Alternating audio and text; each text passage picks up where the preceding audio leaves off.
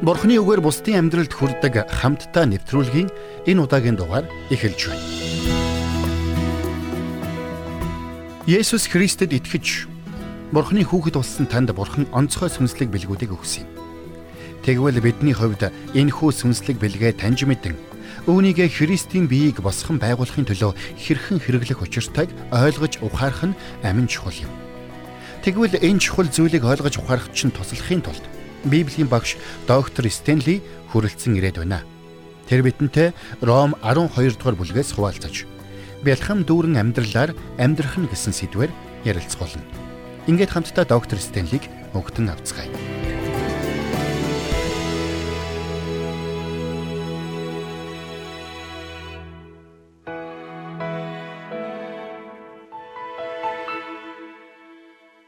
Би нэг зүйлийг боддог юм хаа ч юм хизээ ч юм нэг хүн Христэд итгэж тандаад Христэд итгэгч та нарын хийх ёстой зүйл бол хамтдаа цуглаад жаахан дуулаад номлол сонсоод өргөлөө өргөөд амаа хамхид сууж байгаад л гэрте харих юм шүүгээд итгүүлчихсэн юм шиг байгаа юм. Бидний хувьд хамтдаа цуглаж Бурхныг магтан хүндэлсэн ч өөр хоорондоо үг солихгүй байсаар гараад явах бүрэн боломжтой.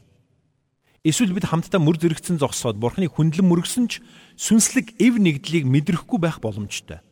Яагад гэвэл Христийн бие болсон чуулган хамтдаа цуглахдаа зөвхөн магтан дуулж номлол сонсохын тулд цугладаг юм бишээ. Бид хамтдаа цуглахдаа Бурхныг магтаж, Бурхны үгээс суралцахаас гадна бие биедээ үйлчлэхийн тулд хамтдаа цугладаг юм. Бид ийхүү бие биедээ үйлчлснээр өөрийгөө хоош тавьж, бусдыг энэ тэргүнд тавьж байдаг юм. Учир нь таны хувьд өчүүхэн зүйл мэд санагдах тэр зүйл зовж шаналж байгаа нэгний хувьд амин чухал зүйл байж болох юм. Тиймээс биднийг ийхүү бие биедээ үйлчилж, бие биенээ босгон байгуулдаг байгаасаа гэсэндэ Бурхан бидний хүнийг бүрт сүнслэг бэлгүүдийг өгсөн юм шүү. За тэгэхээр энэ цагт бүгдээрээ 1-р Коринтын 12 дугаар бүлгийг гаргаад харъя. Эндээс бид нэгэн чухал асуултын хариултыг олж харах болно. Энэ бол Бурхан бидэнд ямар сүнслэг бэлгүүдийг өгсөн юм бэ гэсэн асуулт юм. Бурхан бидний хүнийг бүрт сүнслэг бэлгүүдийг өгсөн гэдгийг бид мэднэ. Ингэхдээ Бурхан бидний хийсэн үйлс, гаргасан гавьянаас үл шалтгаалan хүм бүрт сүнслэг бэлгүүдийг ялгуурлгүй өгдөг юм. Ингээд хамтдаа 1-р Коринт номын 12 дугаар бүлгийн 4-өөс 7 дугаар хэсгийг харъя.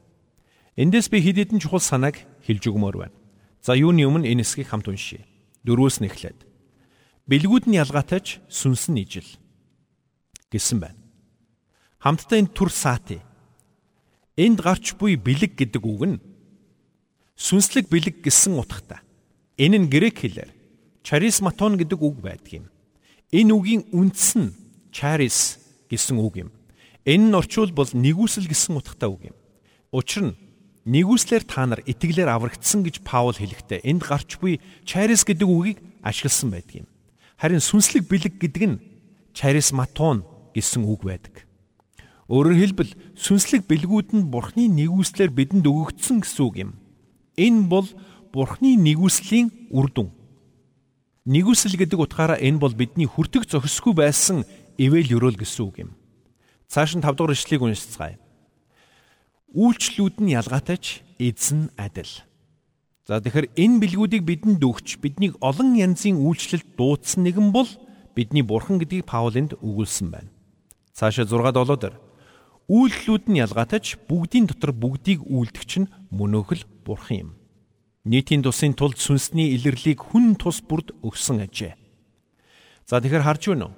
Саяын үнсэн ишлүүдээс би сүнслэг бэлгүүттэй холбоотой гурван ойлголтыг та бүхэнд хуваалцахыг хүссэн юм. Эхнийх нь 5 дугаар ишлэлд гарч байгаа үйлчлүүд гэсэн үг байна. Энэ үг нь грек хэл дээр деканон гэсэн үг юм. Энэ нь үйлчлэх гэсэн утгатай үг.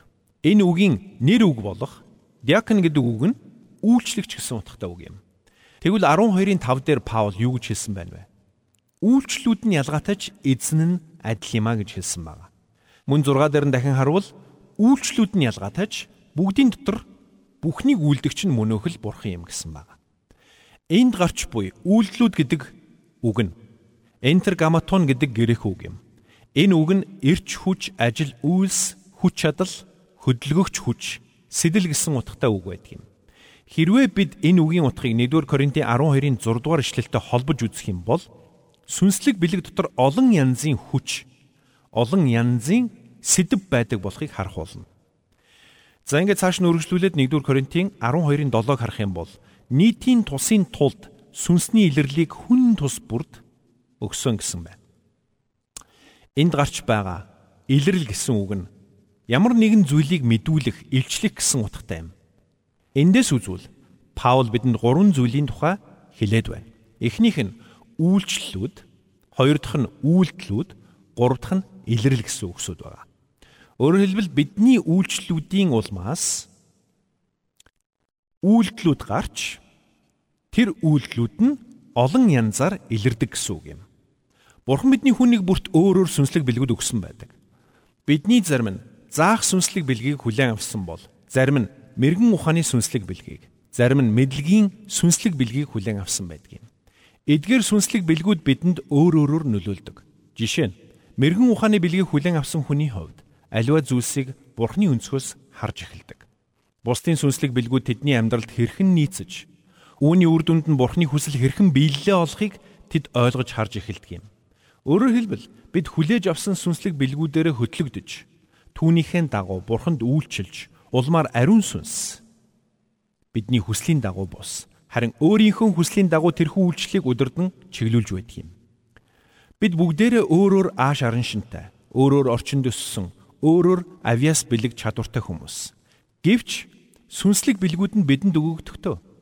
Бурхны тогтоосон загварын дагуу бидний хүнийг бүр тохирсон бидний хүн нэг бүрийн амьдралд хандсан бурхны зорилгыг гүйцэлдүүлэхэд таарсан байдлаар өгөгддөг юм. Энэ нь бидний зорилгыг гүйцэлдүүлэхийн тулд биш, харин бурхны тэнгэрлэг зорилгыг гүйцэлдүүлэхийн тулд бидэнд өгөгддөг юм. Тиймээс бурхан бидэнд сүнслэг бэлгүүдийг өгдөг юм. Бас тухайн бэлгүүдийн дагуу үйлчлэлүүдийг ч өгдөг. Тухайн сүнслэг бэлгийн онцгой илэрлүүдийг бидэнд өгдөг байна. Ингээд хамтдаа Ром номын 12 дугаар бүлгийг гаргая. 12-ын 4-өөс 6-ад инх өгүүлсэн байна. Нэг биед олон эргэтэн байдгийн адил мөн бүх эргэтэнд ижил үйл ажиллагаа байдаггүй адил гэсэн байна. Өөрөөр хэлбэл хүний бие гар хөл, нүд чих, хамар ам гэд олон янзын эргэтнүүдээс бүрддэг гэдгийг бас тэдгээр эргэтэн тус бүр өөрөөр үүрэгтэй байдгийг Паулинд сануулсан байна. Харин цаашлаа 5 6-ыг харах юм бол бид олуула Христ дотор нэг бие бөгөөд хүн бүр нэг нэгэндээ эргэтэн юм. Бидэнд өгөгдсөн нэгүслэр бэлгүүд маань ялгаатайч Иш үзүүлэг нь итгэлийнхээ хэрээр, үйлчлэл нь үйлчлэлээр.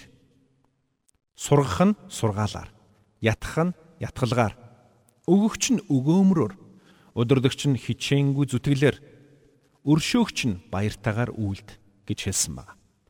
Хэрвээ бурхан хүн бүрт иш үзүүлэхийн бэлгийг өгсөн байсан бол хүн бүр ярахыг хүсэх байсан. Хэрвээ бурхан хүн бүрт заах бэлгийг өгсөн байсан бол бүгд л заахыг хүсээд эсрэгээр хинт сурахыг хүсэхгүй байх байсан баг. Тиймээс бурхан юу хийсэн бэ? Тэр итгэгчдэд өөрөөр сүнслэг бэлгүүдийг өгсөн юм. Яагаад гэдгийг би та бүхэнд хэлж өгье. Паулинд иш үзүүлэх, үйлчлэх, сургах, ятгах, өгөх, удирдах болон өршөөх гэсэн долоон зүйлийг дурдсан байна. Эдгээр нь бидний өмнө хэлж байсанчлан үйлдэлүүд юм. 1-р Коринтын 12 дугаар бүлгийн 6-ыг дахин уншицгаая. Үйлдэлүүд нь ялгаатайч бүгдийн дотор бүхнийг үйлдэгч нь мөнөөхөл бурхан юм гэсэн байна. Энэ нь бурхан бидний дотор ажиллаж бидний дотроос эдгээр үйлдэлүүдийг хийх сэдлийг өгч байна гэсэн үг юм. Тэгэхээр та ариун сүнсээр хөтлөгдөн өөрт өгөгдсөн сүнслэг бэлгийн дагуу үйлдэж түүнийгэ бурхны болон бусдын төлөө ашиглаж эхлэх үедээ амьдралдаа жинхэнэ бүрэн дүүрэн байдал сэтгэл хангалуун байдлыг мэдэрнэ гэсэн үг юм. Гэтэл маш олон итгэвч хүмүүс үүнийг огт мэдрэхгүйгээр амьдардаг. Маш олон итгэгчд үүнийг мэддэггүй учраас итгэлийн амьдралдаа сэтгэл дундуур урам зориг муутайхан амьдардаг юм. Хэрвээ тэд сүнслэг бэлгүүдийнхээ дагуу бурханд болон бусдад үйлчлдэг байсан бол итгэлийн амьдрал нь илүү эрч хүчтэй байх байсан гэдэгт би итгэлтэй байна. Би үгээр хэн нэгнийг шүүж буруудах гээгүй юм шүү. Харин зааж сургаж ойлгуулахыг хүссэндээ үнийг хэлж байгааг та ойлгоорой. Өнөөдөр олон итгэгчид би эзэнд үйлчлэхэд бэлтгэдэггүй байна. Би бурханд яаж үйлчлэхээ мэдэхгүй байна гэж хэлдэг. Тэгвэл найз минь би чамайг энэ гацаанд орсон байдлаас чинь гаргаж өгөхийг л хүсэж байна. Чи өөрийгөө авяас чадваргүй, үйлчлэх туршлагагүй, бурханд яаж үйлчлэхээ мэдэхгүй гэж бүү гол. Бурхан танд дээр дурдсан долоон сүнслэг бэлгүүдээс аль нэгийг гарцаагүй өгсөн байгаа. Ингээ хамтдаа Эфес номын 4-4 бүлгийн 11-12-ыг дахин санацгаая. Паул энд үйлчлэлийн хид хідэн сүнслэг бэлгүүдийг дурдсан байгаа. Тэрээр энд элч, иш үзүүлэгч, сайн мэдээ тараагч, хончин болон багшийн тухай өгүүлсэн байдгийм. Тэдгээр нь чуулганд үйлчилж ариун хүмүүсийг үйлчлэлд бэлтгэхийн тулд гэдгийг мөн онцгойлон хэлсэн байна. Тэгвэл хамтдаа 1-р Коринтын 12 дугаар бүлгийн 27-оос 28-ыг харъя. Идүүгээ та нар Христийн бие бөгөөд тус тусдаа эргэтнүүд юм. Бурхан чуулганд 1-дүгээрт элч, 2-дугаарт иш үзүүлэгчд, 3-дугаарт багш нар, дараа нь гайхамшиг үйлдэхгүй. Дараа нь эдгээх бэлгүүд, туслахгүй, өдөртхгүй ба олон төрлийн хэл ярихыг тавьжээ гэсэн байна. Бурхан сүнслэг бэлгүүдийг итгэжтэд өгөхдөө тэднийг чуулганд үйлчлүүлэхийн тулд өгсөн байдаг юм. Бурхан таныг чуулганд үйлчлүүлэхийн тулд чуулган дотор тавьсан гэдгийг та мэдэхгүй гэж юу? Тусгай томилогдсон, тослогдсон хүмүүс л үүнийг хийдэг байлгүй дээ гэж та бодож байна уу? Үгүй ээ. Тийм биш. Бурхан чуулганд нэгдүгээрт элч нар, хоёрдугаарт иш үзүүлэгчд, гуравдугаарт багш нар, дараа нь гайхамшигыг үйлдэгчд, дараа нь эдгэх бэлгүүдийг, туслахыг, өдөртхүйг болон олон төрлийн хэлээр ярихыг тавьсан гэсэн байна. Энд гарч байгаа элч гэдэг нь одоогийнхоор илгээлтийн эзэн гэж бид ойлгож болно. Өнөөдөр зарим хүмүүс Христэд итгэгч бүх хүмүүс иймч сүнслэг бэлэгтэй, тийм сүнслэг бэлэгтэй байх ёстой гэж заадаг. Тэгвэл хамтдаа 1-р Коринтын 12-ын 29-ыг харах юм бол бүгд элчүү, бүгд иш үзүүлэгчдүү, бүгд багш нар уу, бүгд гайхамшигыг үлдгчдүү гэж Паул асуусан байна. Учир нь бурхан хизээч итгэвч хүм бүр заавал тодорхой нэг сүнслэг бэлэгтэй байх ёстой гэж хэлээгүй. Учир нь бурхны сүнс өөрөө итгэвч хүм бүрт сүнслэг бэлгүүдийг хуваарилдаг юм. Бидний хүн нэг бүрт ямар нэгэн сүнслэг бэлгүүдийг өгч бидний хүн нэг бүрийн үйлчлэл ямар байх учиртайг бид тогтоодог юм биш. Харин ариун сүнс өөрөө тогтоодог юм. Бурхан өөрөө бидэнд сүнслэг бэлгүүдийг өгч өөрөө бидэнд тэрхүү бэлгүүдийн дагуу үйлчлэх үйлчлүүдийг өгдөг юм. Тэр үйлчлүүдээр дамжуулан бидний сүнслэг бэлгүүд янз бүрийн илэрлэлээр илэрч гардаг юм. Жишээ нь найрал дуучдыг аваад үзье. 200 хүнтэй маш том найрал дуучид байлаа гэж бодъё. Тэгвэл тэнд байгаа хүмүүст яг ямар сүнслэг бэлгүүд байх болоо? Ром номонд Паулийн дүрдсэн 7 сүнслэг бэлгүүд долуула байх болно гэдэгт би итгэлтэй байна. Мөн тэдний үйлчлүүд ч гэсэн өөр өөр байх болно. Өөрөөр хэлбэл тэдний зарим нь хүүхдийн цуглаанд багшилдаг байхад зарим нь өгтөгч хийдэг. Зарим нь магтаалд үйлчилдэг гэсэн үг юм. Товчхондоо бол чуулганд итгэгчид олон янзын сүнслэг бэлгүүттэй байдаг. Бас үүнийг дагаад чуулганд олон янзын үйлчлүүд байдаг байна. Улмаар тэр бүх үйлчлүүдийн үр дүнд бидний итгэл батчин бэхжиж байдаг юм. Дээр дүрдэгдсэн долоон сүнслэг бэлгүүд нэмээд чуулганд байдаг бүхий л төрлийн үйлчлүүд нэмээд үйлчлүүдээр дамжуулан илэрч буй сүнслэг бэлгүүдийн бүхий л төрлийн илэрлүүд гэд бодоод үзэхээр чуулган дотор хичнээн олон янзын итгэгчд байх боломжтой та төсөөлөд үзтээ. Бурхан итгэгчдийг ийм олон янз байхаар урдаас тогтоосон. Тэд бие биендээ үйлчилж, бие биендээ санаа тавьж, эцсийн дүнд нь Христийн бие болсон чуулган босгон байгуулагдахын тулд юм. Тиймээс тэд амьдралаараа Христийг гэрчилж, үл итгэгчдийг Христ рүү хандуулах юм. Бид өөрсдийн хүлээн авсан сүнслэг бэлгүүдээ ашиглан чуулганы янз бүрийн талбарууд дээр үйлчилж эхлэх үед тэдгээрээр дамжуулан ариун сүнс өөрийн ажлуудыг хийж байгаа нь олон янзаар илэрч эхэлдэг юм. Үүний үр дүнд бид эвэгдэж, урам зоригтой болж, итгэлийн амьдралдаа сэтгэл хангалуун болж, Бурхан биднээр дамжуулан ажиллаж байгааг харахтаа итгэл дотроо улам бүр батчдаг. Энэ бол бидний сүнслэг бэлгүүдийн үр дүн юм. Тиймээс хэрвээ та өөрийн сүнслэг бэлгүүдийг олж мэдээд тэр бэлгүүдийнхээ дагуу үйлчлүүдийг хийж үйлчлүүдээр чинь дамжуулан ариун сүнсний ажлууд илэрч эхлэх үед хэд хэдэн чухал үр дүн гарч эхлэх болно. Хамгийн түрүүнд та өөрийгөө илүү сайн ойлгож эхлэх болно. Та дотроо бурхан минь надад яагаад ингэж санагдаад байдаг байсныг би одоо л ойлголоо. Яагаад тэр хүнтэй огт нэг баг болж ажиллаж чадахгүй байснаа одоо л ухаарлаа Яагаад энэ үйлчлэгийг би илүү үр дүнтэй хийж чадаад байснаа одоо л мэдлээ. Би яагаад тэр зүйлийг ойлгохгүй байснаа одоо л ойлголоо хэмээн дуу алдаж эхлэх болно. Мөн та өөрийгөө илүү сайн ойлгож эхэлснээр хань ижлээ, үр хүүхдүүдээ, хамт ажилладаг хүмүүсээ найз нөхдөөч илүү сайн ойлгож эхлэх болно. Хоёрдугаарт та буруутглаас чөлөөлөгдөх болно. Заримдаа би номлолынхон үеэр зарим зүйлсийг маш хатуу хэлдэг. Та нар ингэж үйлчлэх ёстой, тэгж үйлчлэх ёстой гэж шулуухан хэлчихдэг юм. Үүнийг сонссон зарим хүмүүс дотроо "Ээ бурхан минь, би заах ёстой юм байна. Би магтаалд үйлчлэх ёстой юм байна. Би өгтөгчийн багт заавал зогсох ёстой юм байна штэ. Би анхлагч болох ёстой юм байна. Би сайн мэдээ тарах ёстой юм байна. Би номлох ёстой юм байна. Би яаж ийм олон зүйлийг амжуулах ёстой юм бэ? хэмээн шаналж эхэлдэг юм. Тэгвэл би танд хэлье. Та угаасаа энэ бүхнийг бүгдийг нь хийж чадахгүй. Угаасаа та анханасаа бүгдийг нь хийхээр бэлтгэдэггүй, дуудагдаагүй. Бурхан нэг итгэгчээр чуулганы бүх үйлчлэлийг хийлэхээр анханасаа тогтоогоогүй. Харин тэр бидний дотор өөрөөр сүнслэг бэлгүүдийг өгч, өөрөөр үйлчлэлүүдээр тавьж, улмаар ариун сүнсний хүч чадлын өөрөөр илэрлүүдээр дамжуулан бие биендээ үйлчлэхээр урдаас тогтоосон юм. Тэм учраас та өөрийн сүнслэг бэлгийг олж мэдэн тэрхүү сүнслэг бэлгүүдийн дагуу үйлчилж эхэлснээр та юу хийж чадах вэ? Юу хийж чадахгүй вэ гэдгээ маш сайн мэддэг болно гэсэн үг юм. Ингэснээр та шаардлагагүй буруутгалыг өөртөө үрж 7 хоног бүр олон янзын үйлчлэлийг ганцаараа хийх гэж өөрийгөө зовоохоо болно гэсэн үг юм. 3 дугаарт бид бие биенээсээ харилцан хамааралтай болохоо улам бүр ойлгож ухаарах болно. Тийм учраас л Бурхан Христийн бие дотор өөрөөр сүнслэг бэлгүүдийг өгсөн юм. Учир нь бид бүгдээрээ бие биенээсээ харилцсан хамааралтай юм. Жишээ нь чуулган дотор бид аливаа зүйлийг сурахтаа багш нараас хамааралтай байдаг бол харин зарим нэг зүйлийг хийхэд туслагч нарын тусалцаа маш чухал байдаг юм. Энэ мэтчлэн бид бүгд бие биенээсээ харилцсан хамааралтай юм. Жишээ нь зарим хүмүүс дээр дурдсанчлан өршөөх бэлгийг тэр бүр сайн ойлгодоггүй. Өршөөх бэлэгтээ итгэвч байлаа гэж бодоход тэр хүн чуулган дотор юу хийх юм бэ гэж олон хүн асуудаг. Жишээ нь тэр хүн чуулганы автомашины зогсоол дээр итгэжтийг машинаа байрлуулахад нь тусалж болно.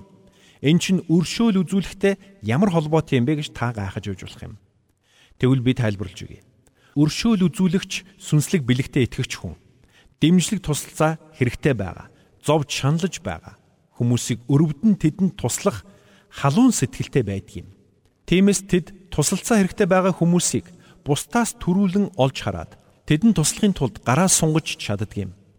Үүнээсээ тэд сэтгэл хангалуун байдлыг мэдэрдэг. Гадаа халуун ба хүйтэнд эсвэл цас борооноор гадаа зогсоод бусдад тусалснараа хүн яахаараа сэтгэл хангалуун болдог юм бэ гэж та гайхаж байна уу? Таныг сэтгэл хангалуун болгодоггүй тэр зүйл өөр хэн нэгэн хүнийг сэтгэл хангалуун болгож байдаг гэдгийг та ойлгох хэрэгтэй. Тэгж байж бид бие биенээ нөхөж чаддаг юм. Учир нь бид бүгд бие биенээсээ харилцсан хамааралтай юм. Хэрвээ чуулган дотор буй бүх хүн номлохыг хүсэж эхэлбэл юу болох вэ? Эмэгт замбраагүй байдал үүсэн шүү дээ. Харин бурхан бидний хүн бүрт өөрөөр сүнслэг бэлгүүд, өөрөөр үйлчлэлүүд, өөрөөр сүнсний илэрлүүдийг өгсөн. Биднийг бие биенээсээ харилцсан хамааралтай байлгахын тулд юм. Дөрөвдүгээрт энэ нь биднийг бие биенээсээ илүү эсвэл дутуу гэсэн мэдрэмжийг үгүй хийдэг юм.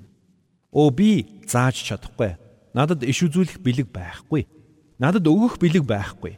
Харин надад ийм бэлэг байгаа, ийм бэлэг байхгүй гэх мэтчлэн. Тийм болохоор тэр хүн надаас илүү би тэр хүнээс дутуу гэж хүмүүс ярьдаг юм. Гэхдээ хэрвээ Бурхан танд сүнслэг бэлгийг өгөхийг хүссэн бол өгөх л байсан. Харин тухайн бэлгийг танд өгөөгүй нь таны амьдралд хандсан Бурханы зоригтой холбоотой юм. Тиймээс Бурхан танд дэрэгчин буй хүмүүсээс өөр сүнслэг бэлгүүдийг өгсөн. Та тэр хүнээс илүү эсвэл дутуу биш харин таны амьдралд хандсан Бурхны хүсэл зоригтой холбоотой юм. Улмаар та тэрхүү сүнслэг бэлгүүдээр Бурханд болон бусдад үйлчилж эхлэх үед Бурхан таны үйлчлэлээр дамжуулан гайхамшигтай үр жимсийг ургуулах болно. Тиймээс та өөрт өгөгдсөн сүнслэг бэлгүүдээсээ болоод хин нэгэн хүнээс илүү эсвэл дутуу болдоггүй гэдгийг сайтар ойлгох нь чухал юм. Бурхан бидний хизээж өөр хооронд нь яг адилхан зүйл хийлгэхээр дууддгүй гэдгийг санаарай.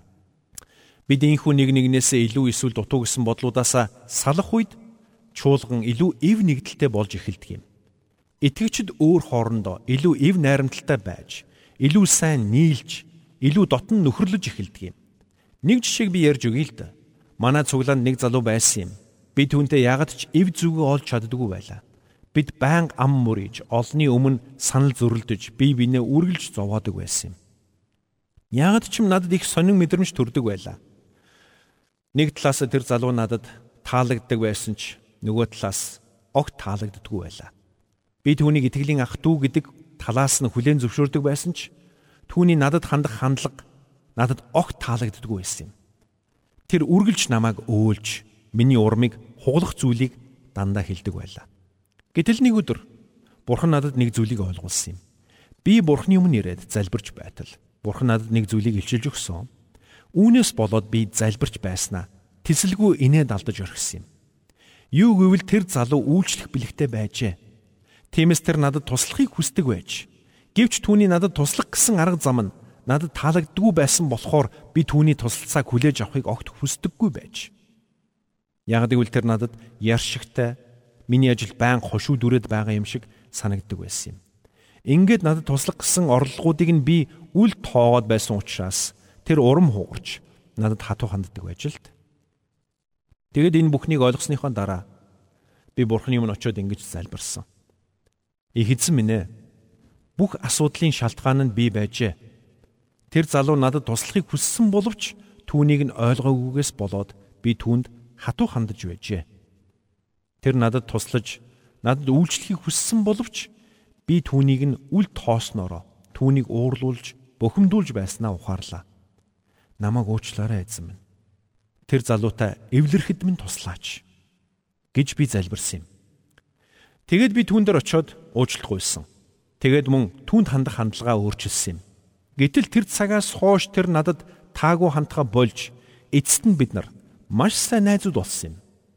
Үүний нэгэн адил танд ч бас чуулган дотор чинь эв зүгээ олж чадахгүй яваад байгаа хүн байгаа бол асуудал танд байх магадлал маш өндөртэй гэдгийг санаарай. Та үнийг ойлгож ухаарах үедээ үнэхээр гайхаж цочирдох болно.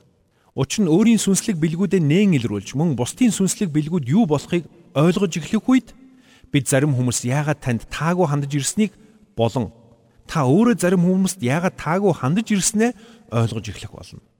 Тэгээд та дотроо аа тэр хүн өөрийнхөө сүнслэг бэлгийн дагуу надад хандаж байсан тэр байжээ хэмээн ойлгох болно. Харин та үүнийг ойлгоогүй учраас түүнд таагүй хандаж цаад хүнийхээ урмыг хугалж гомдоосон гэсэн үг болохыг ойлгох болно. 5 дугаарт та өөр тохирох үйлчлэлийг олж мэдэх болноо. Та аль таарсан үйлчлэлээ барьж аваад хийхээс илүү сүнслэг бэлгүүдийнхэн дагуу үйлчлэх нь чухал болохыг ойлгох болно. Улмаар ямар үйлчлэлээр үйлчлэх үед чинь бурхан таныг гайхамшигтайгаар хэрэглэж байгааг олж мэдэх болно. 6 дугаарт буюу эцэст нь та өөрт өгөгдсөн нөөц бололцоо потенциалд хүрэх бодит алхмуудыг хийж эхлэх болно.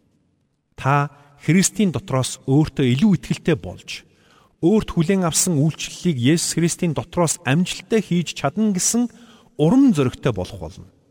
Та бусдаас дутуу нэгэн биш гэдгээ ойлгож ариун сүнс таны амьдралд идэвхтэйгээр ажиллаж Бурхан таныг өөрийнхөө алдрын төлөө гайхамшигтайгаар хэрэглэх болно гэдэгт улам бүр итгэлтэй байх болно. Энэ нь та Христийн дотроос сүнсээр улам бүр өсөж хүчрхэгжиж байна гэсэн үг юм. Сүнслэг бэлгүүдийн ач тус чухамдаа үүнд л оршдог юм. Дэмэс найз минь итгэлийн амьдрал чинь бялхам дүүрэн амьдрал байгаасай гэж хүсэж байгаа бол та итгэлийн амьдралынхаа жолоог Есүс Христэд бүрэн атгуул. Тэгэд Бурханаас авсан сүнслэг бэлгүүдээр Бурханд үйлчилж ариун сүнс таны дотроос чөлөөтэйгээр ажиллах боломжийг олгох нь чухал юм. Учир нь амьдралаа Есүс Христэд захируулж түүнийг дуулууртаа дагахаас нааш та бэлхам дүүрэн амьдралаар амьдрч чадахгүй. Харин Бурханаас танд өгсөн сүнслэг бэлгүүдээр дамжуулан Бурханд болон бусдад үйлчлснээрээ та сая Христийн дотор бэлхам дүүрэн амьдралаар амьдрах боломжтой болдгийг. Эсвэргээр Бурхан болон бусдад огт үйлчлэхгүй байгаа итгэгч хизээч итгэлийн амьдралдаа бүрэн дүрэн сэтгэл хангалуун бялхам дүүрэн байж чадахгүй гэдэгт би үнэхээр итгэлтэй байдгийг. Тиймээс би таныг ятгах байна. Бурхны үгийг нээж, нухацтай судлан Бурхны үннийг таньж мэдээсэ. Мөн Бурхны үннээр дамжуулан өөрийгөө Христийн дотор хэн болохыг олж мэдээсэ. Мөн Бурхан танд ямар сүнслэг бэлгүүдийг өгсөн болохыг Бурхан таны амьдралд ямар гайхамшигтай ажлуудаа хийхийг хүсэж байгаа болохыг нээн илрүүлээрэй. Ингээд тэрхүү сүнслэг бэлгүүдээрээ дамжуулан Бурханд болон бусдад үйлчилж өдөр бүр ариун сүнсний өдөрдмжийг даган ариун сүнсний хүч чадлын илэрлэр дүүрэн амьдраарай. Тэр цаг таны амьдрал хэрхэн гайхамшигтайгаар өөрчлөгдөхийг та өөрөө харах болно. Зөвхөн таны амьдрал өөрчлөгдөж зогсохгүй. Та Бурхны ивэл юрөөл урсах сууг болон хувирснаар таны эргэн тойронд буй хүмүүсийн амьдралч мөн гайхамшигтайгаар өөрчлөгдөхийг та харах болно. Ингээ хамт залбирцгаая. Тэнгэрлэг эцэг минь. Та биднийг аварч Христийн дотроос дахин төрүүлэхдээ бидний хүнийг бүрт онцгой сүнслэг бэлгүүдийг өгсөн учраас танд талархаж байна. Тинхүү бид таны болон таны хайртай хүмүүст үйлчлэхдээ бид өөрсдийнхөө хүчээр өөрсдийнхөө төрлөх авяас чадвараар үйлчлэх бус. Харин таны бидэнд өгсөн сүнслэг бэлгүүдээр үйлчлэх ёстой болсон учраас танд алдрыг өргөе. Та бидэнд сүнслэг бэлгүүдийг өгөхдөө бидний амьдралд хандсан өөрийн зорилгын дагуу урдаас төлөвлөсөн учраас танд баярлалаа. Бурхан эцэг минь. Өнөөдөр миний ярьсныг сонссон хүнийг бүрийн төлөө би залбирч байна. Та тэднийг хаа байгаа газарт нь ивэж өрөн тэднийг өөрсдөд нь өгдсөн сүнслэг бэлгүүдийг таньж мэдж тэдгээр бэлгүүдээ ариун сүнсний хүч дотор хэрхэн хэрэглэхийг ойлгож ухаарахт нь тусалж өгөөч. Тинхүү итгэвч хүннийг бүрийн сүнслэг бэлгүүдээр дамжуулан таны нэр алдаршиж таны чуулган хүчрэгжих болтугай. Энэ бүхнийг Бурхны алдрын төлөө бидний амьдралд хандсан Бурхны төгс хүсэл биелэгдэхийн төлөө Есүс Христийн нэрээр залбирлаа. Амен. Бурхан Христийн биеийг босгон байгуулахын тулд Христэд итгэгч нэг бүрт гайхамшигтай сүнслэг бэлгүүдийг өгсөн байна. Харамсалтай нь маш олон итгэгчид энэ талаар маш бага ойлголттой байдаг. Тэгвэл доктор Стенли бидэнд Христийн дотор бэлхэм дүүрэн амьдралаар амьдрах арга замыг зааж өглөө. Ингэхдээ бид сүнслэг бэлгүүдээ нээн илрүүлж, сүнслэг бэлгүүдийнхээ дагуу бурханд үйлчлэх үед бидний амьдралд ямар гайхамшигтай 6 үр дүн гардаг болохыг доктор Стенли бидэнд хэлж өглөө. Үнэхээр бурхан бидний хүн нэг бүрд сүнслэг бэлгүүдээ өгсөн юм а. Харин тэр сүнслэг бэлгүүдээрээ бурханд болон бусдад үйлчлэх хэсэг нь танаас шалтгааллах болно гэдгийг та мэдхий мартаарай.